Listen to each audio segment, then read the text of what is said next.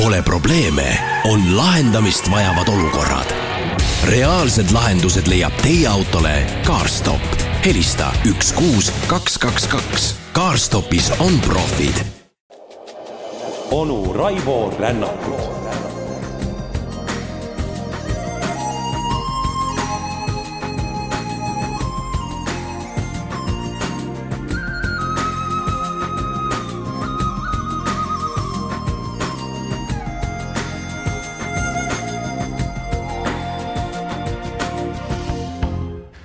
tere hommikust, head sõbrad ja tere tulemast järjekordsetele rännakutele koos eh, Nostradamuse ennustustega ning eh, aina õõvastavamaks ja meile käega katsutavamaks nad lähevad ja see on seda sobivam, et oh üllatust, on Kuku raadio taas kord tagasi kolinud oma linnahalli vanadesse kasemattidesse, kuhu see kaunis kevadvalgus küll ei paista, kuid meile Nostradamusega käsikäes rändajatele on see seda sobilikum miljöö, kuid alustagem ning mingem ennustuste juurde, mis meile tõepoolest äärmiselt lausa käega katsutavalt, kui nii ülekantud mõttes võib öelda, tuttavad on, sest nüüd tuleb juttu ei millestki muust kui kaksiktornide hävingust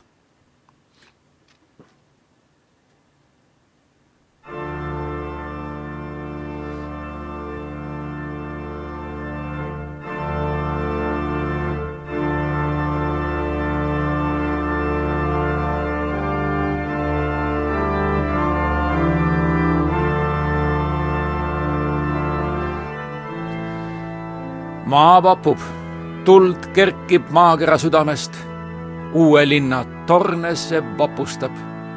ja siis kaks kõrget kaljut pikalt sõdivad, kuni Aretusa allikad jõe taas verega värvivad. vaat siin, head sõbrad, arvan, et on ridadest ka meile nii-öelda pühendamatutele nii paljugi tuttavat. räägitakse ju otseselt kahest kõrgest kaljust ning see on äh, tõesti loomulik, sest et oma nägemustes kahte sellist klaasmürakat ilmselt Nostradamus oma ajal ei osanudki teistpidi tituleerida. ning veel arvatakse, et äh, kahest kaljusarnasest tornist rääkides äh, mõtleb Nostradamus selle all ka ristiusu ja islami kahte kaljut. ning veel üks äh, vapustus äh, selgelt nägemine, kus äh, lausa esimeses reas, kus räägitakse, kuidas tuli kerkib maa südames, võib ta tõepoolest käsitleda, et plahvatuse põhjustas ju naftast ehk siis maakera südamest saadud lennukikütus ning kui vaadata viimast rida, kus räägitakse Aretusa allikatest, siis eh, see on lausa erakordne kokkulangevus, kus Nostradamus ühendab vana müüdinümf Aretusast ja tema legendaarsest allikast Ellisel ning tõepoolest, Ellise saar on ju nii pikalt olnud New Yorgi peamine immigratsioonivärav. ning muide, teises reas, kus räägitakse uuest linnast ehk siis Cité Neufest mida Nostradamus mainib, on tegemist tõepoolest uue Yorgi ehk siis äh, uue linnaga. ning kindlasti mainivad äh, needsamad äh, verega värvimised ei midagi muud kui üleüldist surma ja hävingut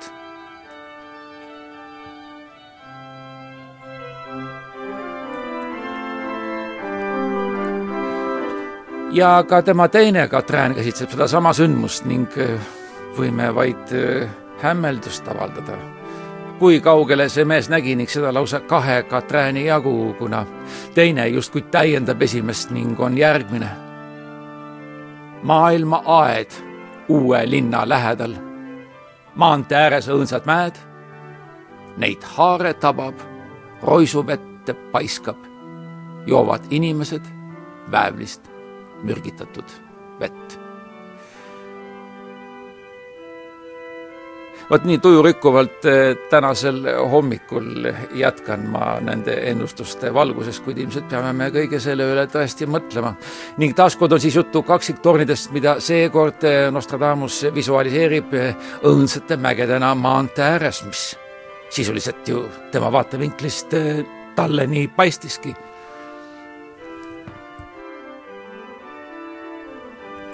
ning taaskord on juttu uuest linnast ehk New Yorgist ning ta manab meie ette lausa kohutava pildi, kuidas siis kõik roisuvette paisatakse, mida meiegi oma teleekraanidel oleme näinud. ning mis puudutab väävliste mürgitatud vett, mis on viimased Katrääni sõnad, siis seda võib võtta nii kujundlikult kui ka metafoorina Ameerika Ühendriikide arusaamisest, et sellest hetkest alates on ka nemad haavatavad ning sunnitud põhjani türgendama mürgitatud veekarikana, mille saatus on neile ulatanud. nii et äh, lausa uskumatult täpsed ning isegi meile arusaadavad mõtted kõige selle kohta, mis äsja-äsja siin maailmas juhtunud on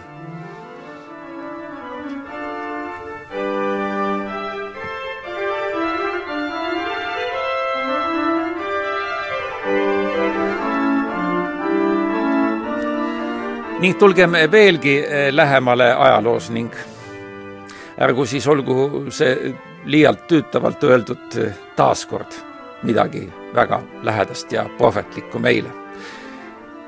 ning kahekümne kaheksas Katrään viib meid aastasse kaks tuhat kaheksa, ehkki etteruttavalt ning täiesti oma mätta otsast öelduna võib see tähistada ka aastat kakskümmend kaheksa, mis samuti asjaga ühtib.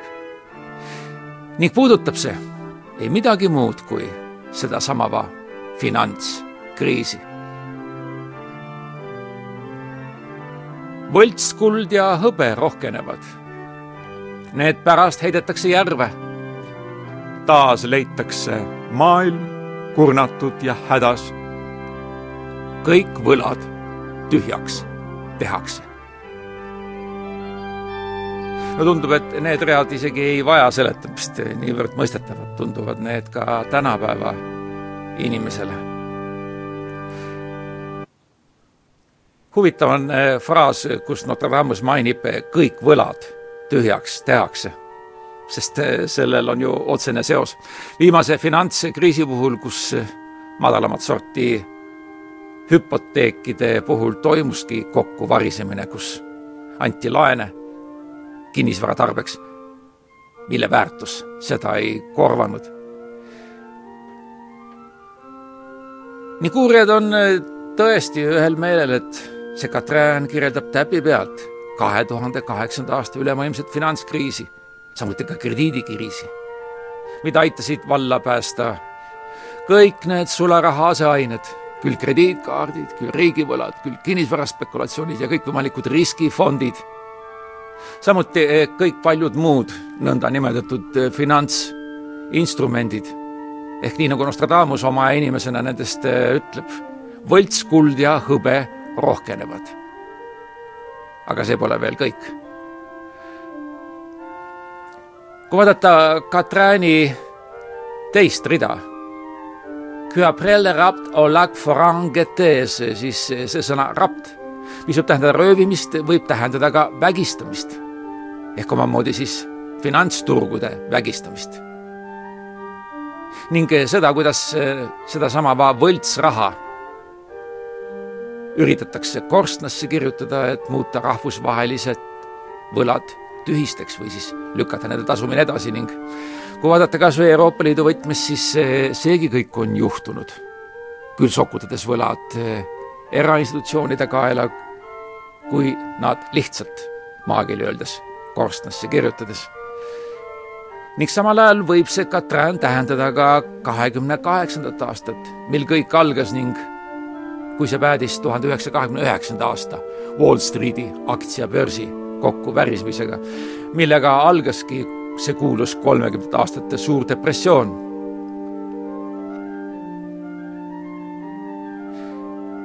Ning veel mainib Nostradamus justkui ridade vahelt sellest, mis on jäänud paraku hüüdjaks hääleks kurtidele kõrvadele. nii religiooni kauged, kui eriti meie siin Eestis oleme. ehk sellest, kuidas spirituaalsed väärtused rusudeks langevad ning seetõttu inimestel justkui ei olegi millegi külge klammerduda. on jäänud ju alles ainult see mammona. Ning just seda tähendabki fraas maailm kurnatud ja hädas, kus katastroofilist lootuste kaotamist elatakse raskelt üle just nimelt usukriisi tõttu, mida paraku Nostradamuse hääl ei olnud, vaatamata kõikidele reformaatilistele liikumistele, kataklüsmidele kiriku võtmes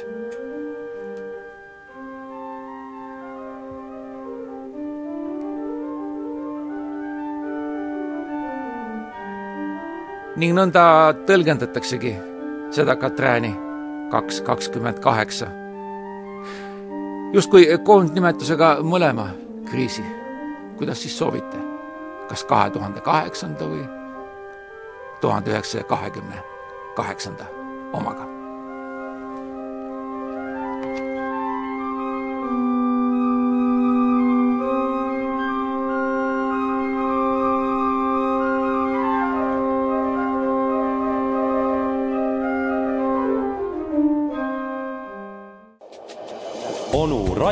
Rännakut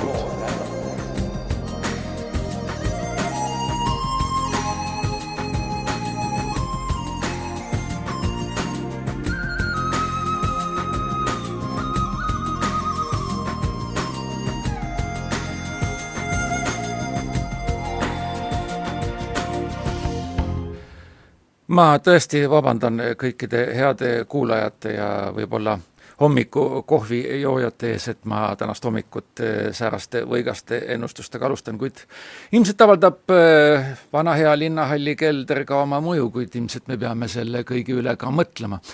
ning huvitav on, eh, kuidas erinevad niidiotsad kokku jooksevad nii kohtusin hiljuti ühe vana sõbraga, kes uskuge või mitte, on lausa mitu korda kohtunud tänase päeva selgeltnägija ehk Indias resideeruva Sai Babaga ning eh, seegi mees on öelnud, et lausa selle aasta lõpul algavad maailmas kataklüsmid, mis ei tähenda üldsegi mitte maailma lõppu, kuid eh, suurenevad kõikvõimalikud looduskatastroofid, mis, oh üllatust, ei jäta puutumata ka läänemaailma. nii et mõtlemisainet meile kõigile, vaatamata sellele, et me siin Eestis teeme kõik, mis eh, võimalikku ning tõesti, tõesti, metsa on meil Eestis praegu rohkem kui iialgi varem, kuid Nostradamus eh, kirjutab otseselt eh, sellest, et meie planeet on ohus ning tema kuueteistkümnes Katrään käsitlebki aastat kaks tuhat kuusteist.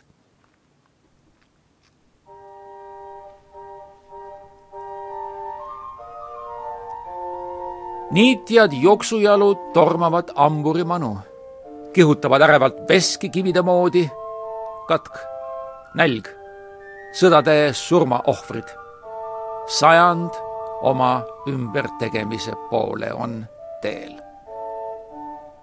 no viimased kaks rida on meile täiesti üheselt mõistetavad. nii Nostradamus hoiatab nende ridade vahelt tõesti, et tema nägemuse järgi on meie praegune maailm pöördumas vales suunas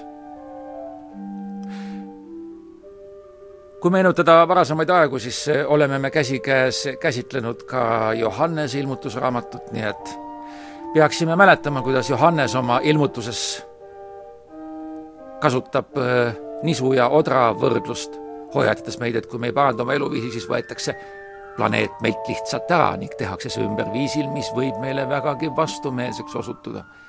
ja muide ka esimene rida, kus viimaseks sõnaks on les sagittaire, mis tähendabki hamburit, on hambur just see ratsanik, kes avab mäletate ilmutusraamatus olevast neljast apokalüptilisest ratsanikust, kes avab neljast eh, olendist esimese pitseri. ja ma vaatasin ja näe, istujal oli hamb käes.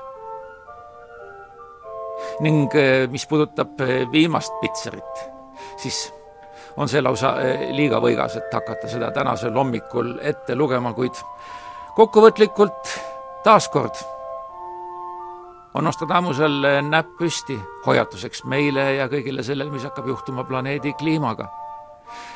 ehk üheselt Nostradamus ütleb meile, et Jumal kinkis meile selle planeedi ning kui me ei käitu hoolivalt, siis võib ta selle tagasi võtta ning teistsugusel kujul uuesti luua. mil viisil? eks me seda ilmselt õige pea ka näe. Ja ka tema järgmine Katrin on justkui samal lainel mis käsitleb järgmist ehk kahe tuhande seitsmeteistkümnendat aastat ning tema nägemuse järgi on tema nägemused järgmised. nelikümmend aastat Iiris ei ilmu. nelikümmend hiljem iga päev ennast ta näitab. niigi kuivanud maa veelgi rohkem paakunuks kõrbeb. suured tulvad, siis Iiris jälle on väljas mis puudutab sedasama iirist ehk siis liris vana prantsuse keeles, tähendab see nii vikerkaart kui ka väikest lillekest iirist. ehk ühelt poolt on iiris vikerkaare jumalanna ning ühtaegu ka jumalate keskjalg. kui nood soovisid näiteks tüli külvata. ehk vikerkaar oli taevast algav sild, mida mööda tuli sõnumitooja alla oma teavet toimetama. ja Iiris on otse loomulikult meile kõikidele tuttav. täiesti igapäevane lill, mis ei ärata mitte millegagi meie tähelepanu ning Nostradamus näib justkui vihjavat, et kui meie kohtleme oma planeeti just nõnda, siis ei kasva sellel ilmselt isegi nii lihtsad lillekesed. ning viimased kaks rida, kus räägitakse sellest, kuidas maa veelgi eh, rohkem paakunud kõrbeks muudab, viitavad sellele samale üleilmsele soojenemisele, mille kohta samuti erinevad koolkonnad piike murravad ning kus Nostradamus ütleb, et sellele põuale järgneb niiskus, mis saabub siis, kui metsad on lõplikult hävitunud nii et kahe tuhande seitsmeteistkümnendal aastal jõuab meie planeet lausa kriisipunkti, mis ähvardab kaotada suurema osa loodusilust, mida me praegu nii enesestmõistetavamaks peame. ning taaskord võib öelda, et kui väga me ei hoia oma loodust ning mis meil tõesti on praegu täies õies, siis paraku oleme me võimetud seesinases suures maailmas, kuid otse loomulikult, vaatamata kõigele, lootkem paremat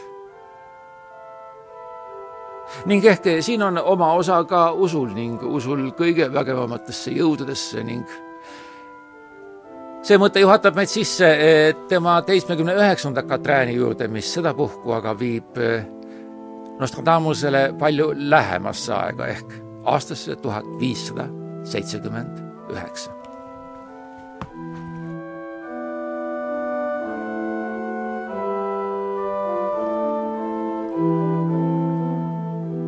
Püha laotuse tiibu kärbitakse.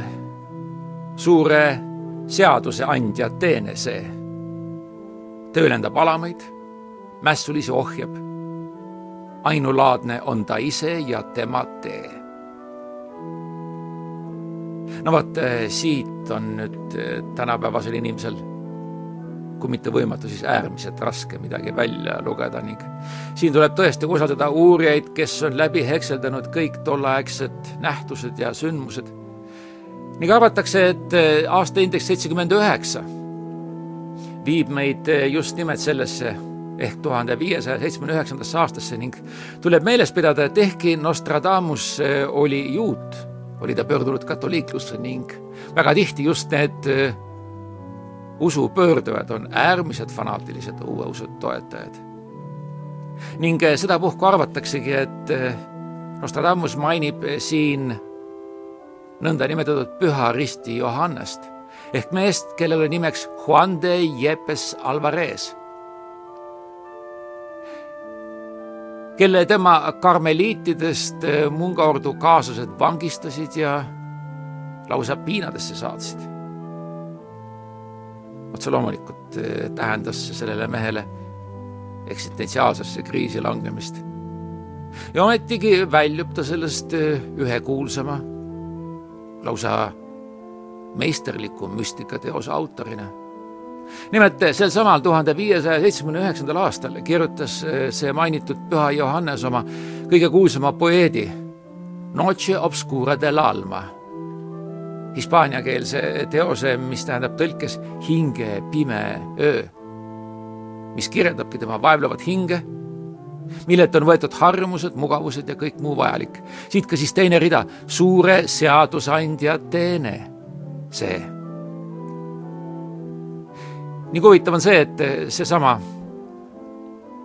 Juan de Yepes Salvarez kes on vastu reformatsiooni kangelane, nii et äärmiselt sobilik mees säärasele fanaatilisele katoliiklasele, nagu seda oli Nostradamus. ning kes muide, nii paradoksaalne kui see ka on, oli samuti usku muutnud juudi perekonnast pärit.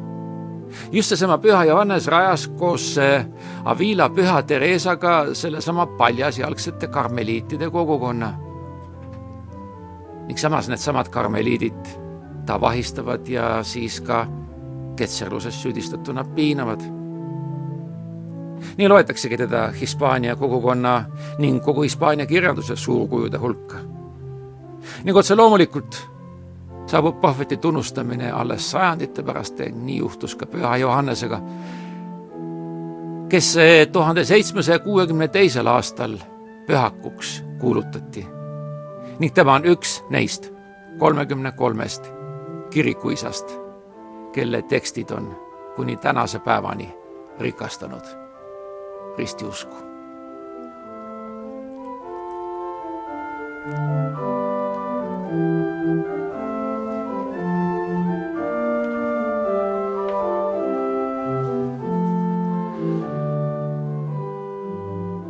aga tulgem nüüd natukene lootusrikkamate teemade juurde ja paisakem siis õhku üks täht, mis võiks külvata meis kõigis lootust.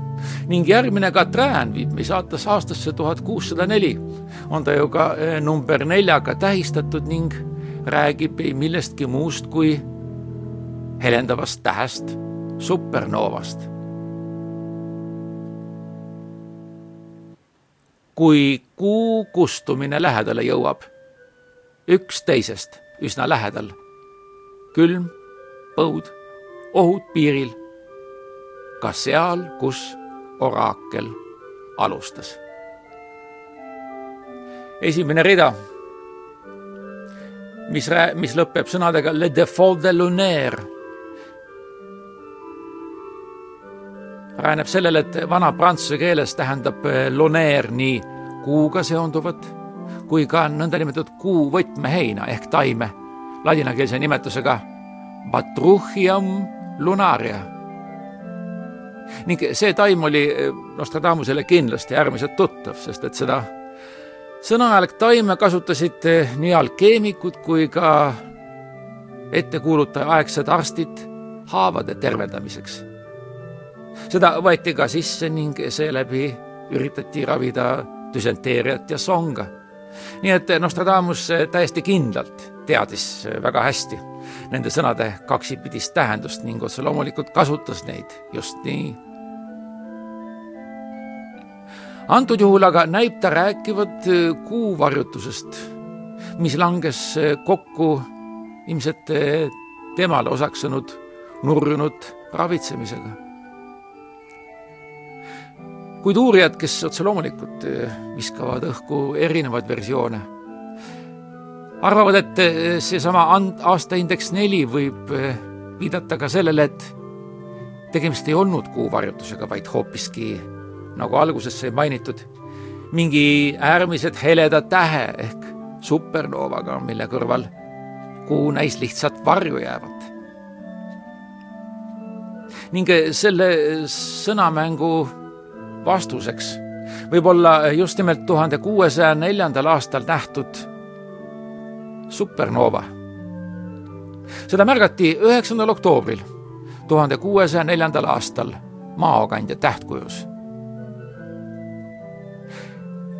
ning seda uuris äh, astronoom kui ka astroloog Johannes Kepler äärmiselt hoolikalt ning äh, sel ajal, oli supernova juba sama hele kui Marss ning mõni päev hiljem ületas selle heleduse isegi Jupiteri oma.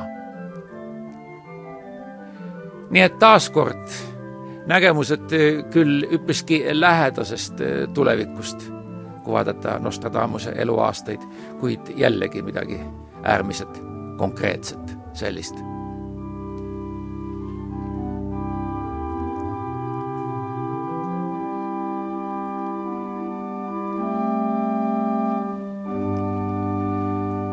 ning et eh, ma mainisime eh, siinkohal Nostradamuse katoliiklust ning lausa veendunud katoliiklust, siis otse loomulikult oli ta, nagu juba öeldud, veendunud reformatsiooni vastane ning eh, need ideed kumavad läbi ka järgmisest nelikreast, mis on üheteistkümnes Katrään ning viib meid aastasse tuhat kuussada üksteist ja siit nad tulevad.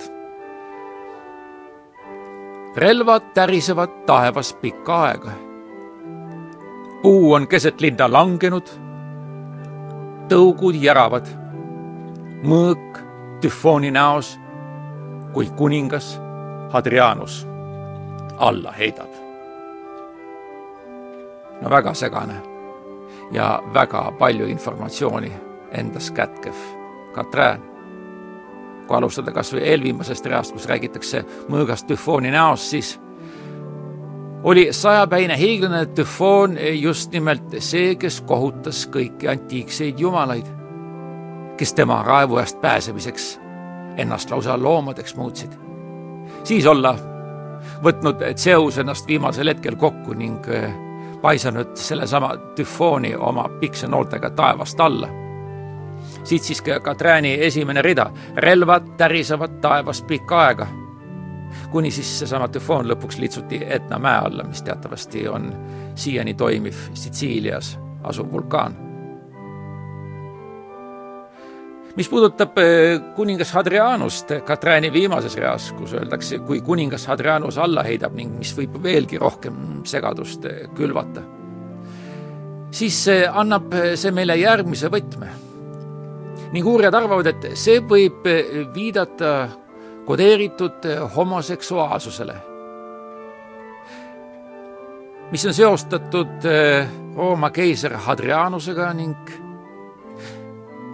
mille tõenduseks olla olnud see, et eh, seesama keiser armastas lausa varjamatult kedagi Bitüüniast pärit noorukit nimega Antinous, kelle uppumissurm ajendas sedasama Hadrianust eh, kogunisti Niiluse äärse linna Antinoopolise lausa jumalikuks kuulutama. miks siis säärased vihjed? vaat siit hakkame me nüüd jõudma asja tuumani. ehk arvatakse, et aastaindeksi üksteist järgi otsustades võis olla tegemist viitega Inglise kuningas James Esimesele. ning et see vihje rajanes sellele, et James Esimene olla avaldanud eh, lausa varjamatut armastust. meile kõigile ilmselt lapsepõlve lektüürist tuttavale Buckinghami hertsogile ehk Georges Villiersile, sellele samale Inglismaa kõige kenamale mehele, kes eh, vallutas ka Prantsuse kuninganna Anna südame ning pani liikvele kuulsad eh, kolm musketäri ja nende kaaslase D'Artagnani otse loomulikult oli Buckinghami hertsogi puhul tegemist äh, parandamatu naistemehega ning ilmselt need tundeavaldused jäid vastamata, kuid see on äh, nii-öelda kõrvalepõige. kui vaadata aga äh, teist rida, kus räägitakse puust, mis on keset linna langenud, siis ka nii puu kui ka mõõga sümboleid tuleb võtta ilmselt teistsuguses tähenduses ning võib-olla Nostradamus tegi seda nimme, Jamesi. kui eh, üle Inglismaa ning üle maailma eh, kuulsaks saanud eh, Jamesi piibli seisundi õõnestamiseks ning põhjus väga lihtne. sai ju mainitud Nostradamuse katoliiklusest ning Jamesi piibel teatavasti on ju anglikaani ehk sisuliselt reformeeritud kiriku ideede kandja sellesama Jamesi suure piibliga, mis on erakordselt eh, suure tähtsusega just anglosaksi maailmas. selle suure piibli tõlkimisega jõutigi lõpule just nimelt sellel samal tuhande kuuesaja üheteistkümnendal aastal. kui kuningas oli määranud eh, esialgu viiskümmend neli anglikaani kiriku õpetajat, kellest hiljem jäi töö juurde nelikümmend seitse ning kes pidid äärmiselt hoolega tõlkima kreeka, heebrea ja arameakeelseid tekste ehk siis nii-öelda lätetest peale ning valmistama ette just nimelt protestantliku piibli ning selle piibli esimene trükk otse loomulikult tekitas katoliiklastes kõikjal õudust ning kahtlemata jagas seda arvamust ka Nostradamus. ehkki hiljem õppisid muide kõikide konfessioonide esindajad seda nii aktsepteerima kui ka kasutama.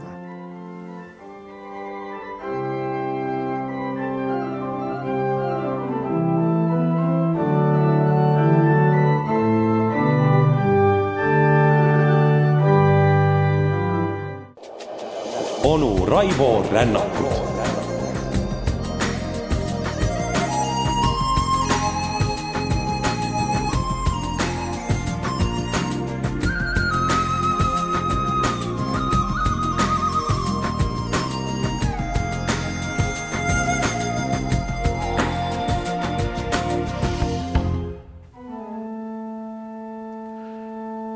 kuulutaja sõna langeb taevast. Ei kaugemale tulevikku pääse. ukse paotaja saladus jääb kängu. ta tallatakse eest ja tagant jalge alla.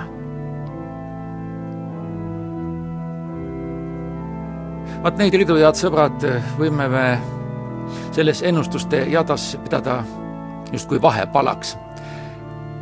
kus Nostradamus ei maini otseselt mingit sündmust, vaid pigem kurdab oma eksistentsi üle. rääkisime ju varasemalt, et eh, kui ei oleks olnud eh, kuninganna Katariina di Medici eh, kaitsvat tiiba, siis oleks võinud see prohvet lõpetada äärmiselt halvasti. siin on ka otsesed viited küll kuulutaja sõnast, mis langeb taevast, küll ukse paotajast kui ka sellest, et ta tallatakse eest ja tagant jalge alla. ning esimene rida mis on prantsuse keeles le divin verb sera de s'il frappe, siis seda sa-, sama sõna divin, mis tähendab äh, taevast jumalikus mõttes, võib omada ka äh, lisatähendust, äh, kuna sõna divin e-ga kirjutas ehk devin. Tähendab vana prantsuse keeles, milles Nostradamus ju kirjutas ka ennustajat või ettekuulutajat ehk. Veel kord öeldes siis ta räägib tõesti siin iseendast.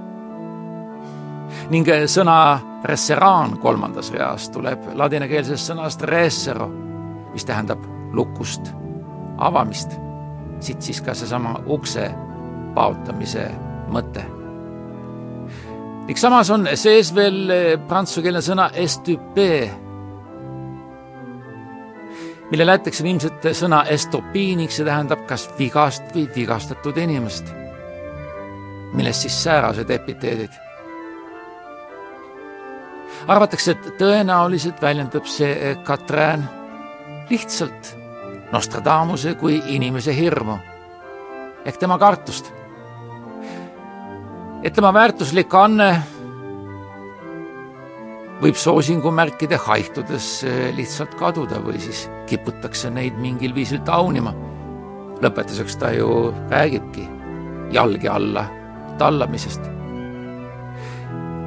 nii et ta viitab, et kui ta ei kaota oma prohvetiannet, siis hakatakse tuhande kuuesaja kahekümne seitsmendal aastal tema ettekulutusi igast küljest ründama ning et tema ilmutused kirikust ja kroonist kas siis võetakse omaks või kompromiteeritakse neid teisel viisil ja nagu ajalugu on näidanud, oli sellel mehel taaskord õigus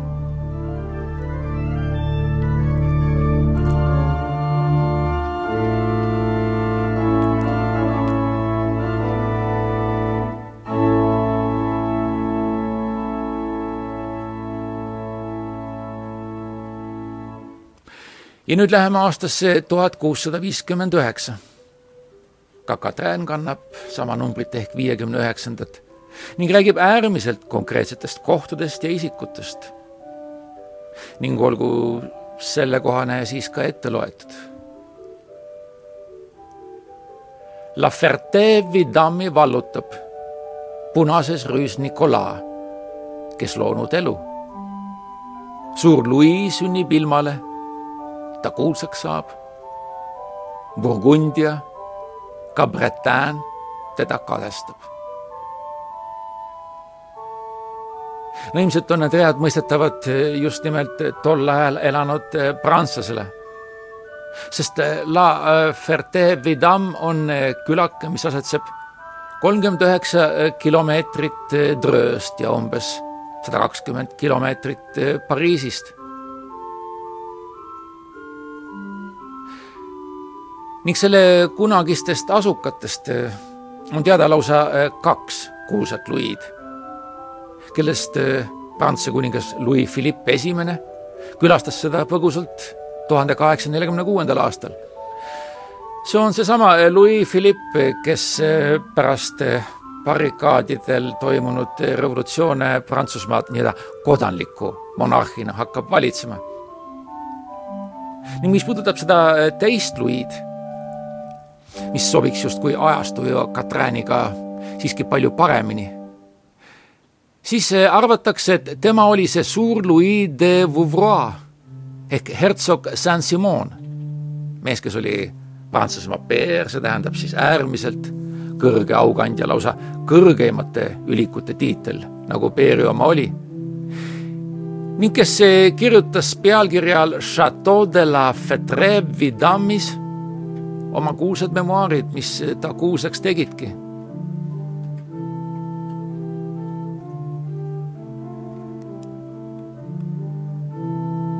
on teada, et eh, seesama mees hakkas Saint-Nicolas kirikus, mida samuti mainitakse teises reas, punases rüüs Nicolas, kes loonud elu. See mees oli paljude oma vasallide laste ristiisaks, nii et ta suutis luua endale toetajas ja sõpruskonna. ning veel on teada, et see hoone oli sellesama mehe isa käsul aastatel tuhat kuussada viiskümmend üheksa kuni tuhat kuussada kuuskümmend, siit siis ka täpne aastaindeks viiskümmend üheksa, tõepoolest ümber ehitatud. nii et tänu kõikidele nendele pealtnäha justkui virvarrina meie ette kerkivatele seostele. Kirjeldab see Katrin kuulsat Prantsuse memuaari kirjanikku, nagu juba öeldud, ehk hertsog Saint-Simoni teoseid mis puudutab Saint-Simoni, siis ise elas ta aastatel tuhat kuussada seitsekümmend viis kuni tuhat seitsesada viiskümmend viis ning oma kirjandusega mõjutas lausa postuumselt kaugele tulevikku sääraseid kuulsaid kirjamehi nagu Marcel Proust, Lev Tolstoi ja Gustav Flaubert.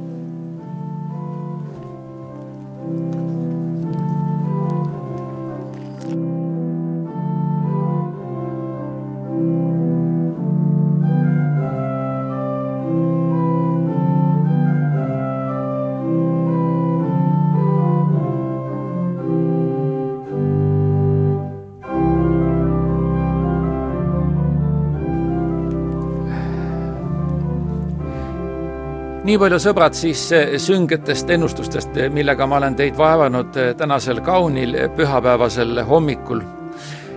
Ning et lõpetada helgemal teemal, siis tahan ma rikkuda selle rännuformaadi reeglid ning mängida sootuks teistsugust muusikat muide, ma juba algselt murdsin pead, kas ei oleks õigem erinevatesse ajastutesse minnes mängida just nimelt sellele ajastule iseloomulikke helindeid, kuid mõtlesin, et jätkime ikkagi alla kõlama renessansi ja oreli, et eh, siis kanda Nostradamuse ajastut ja ideed.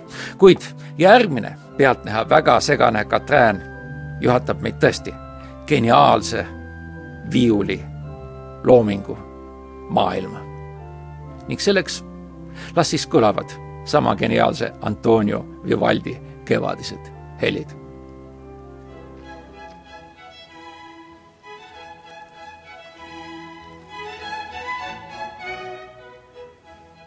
eakas ingel noore ees kummardab, ent lõpuks tema kohale tõuseb.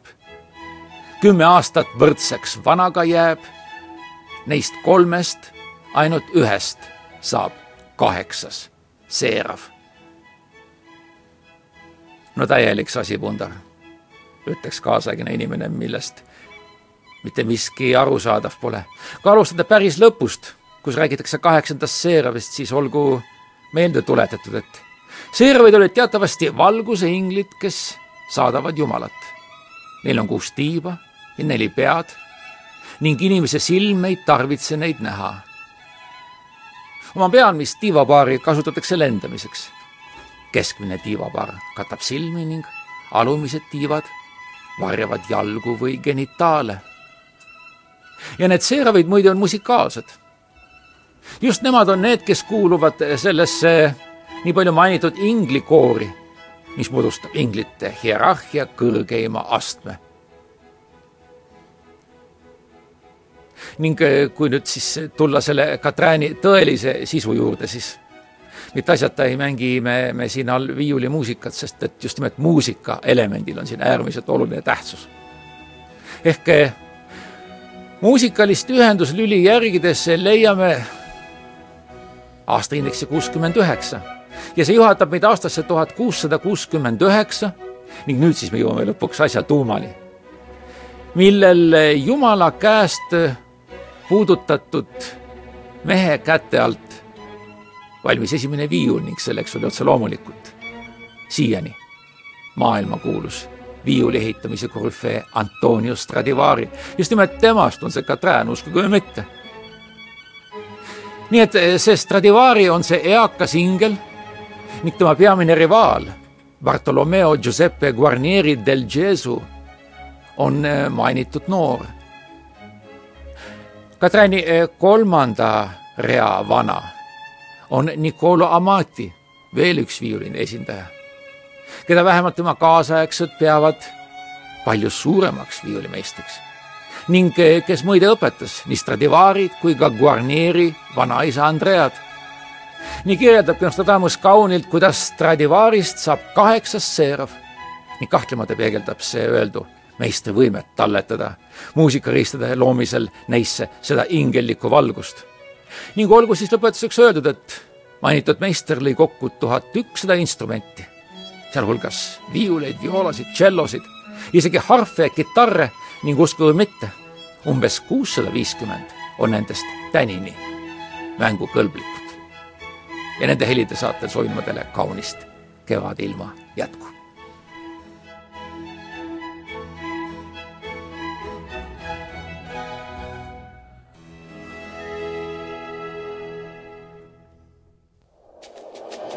Onu Raivo Rännakut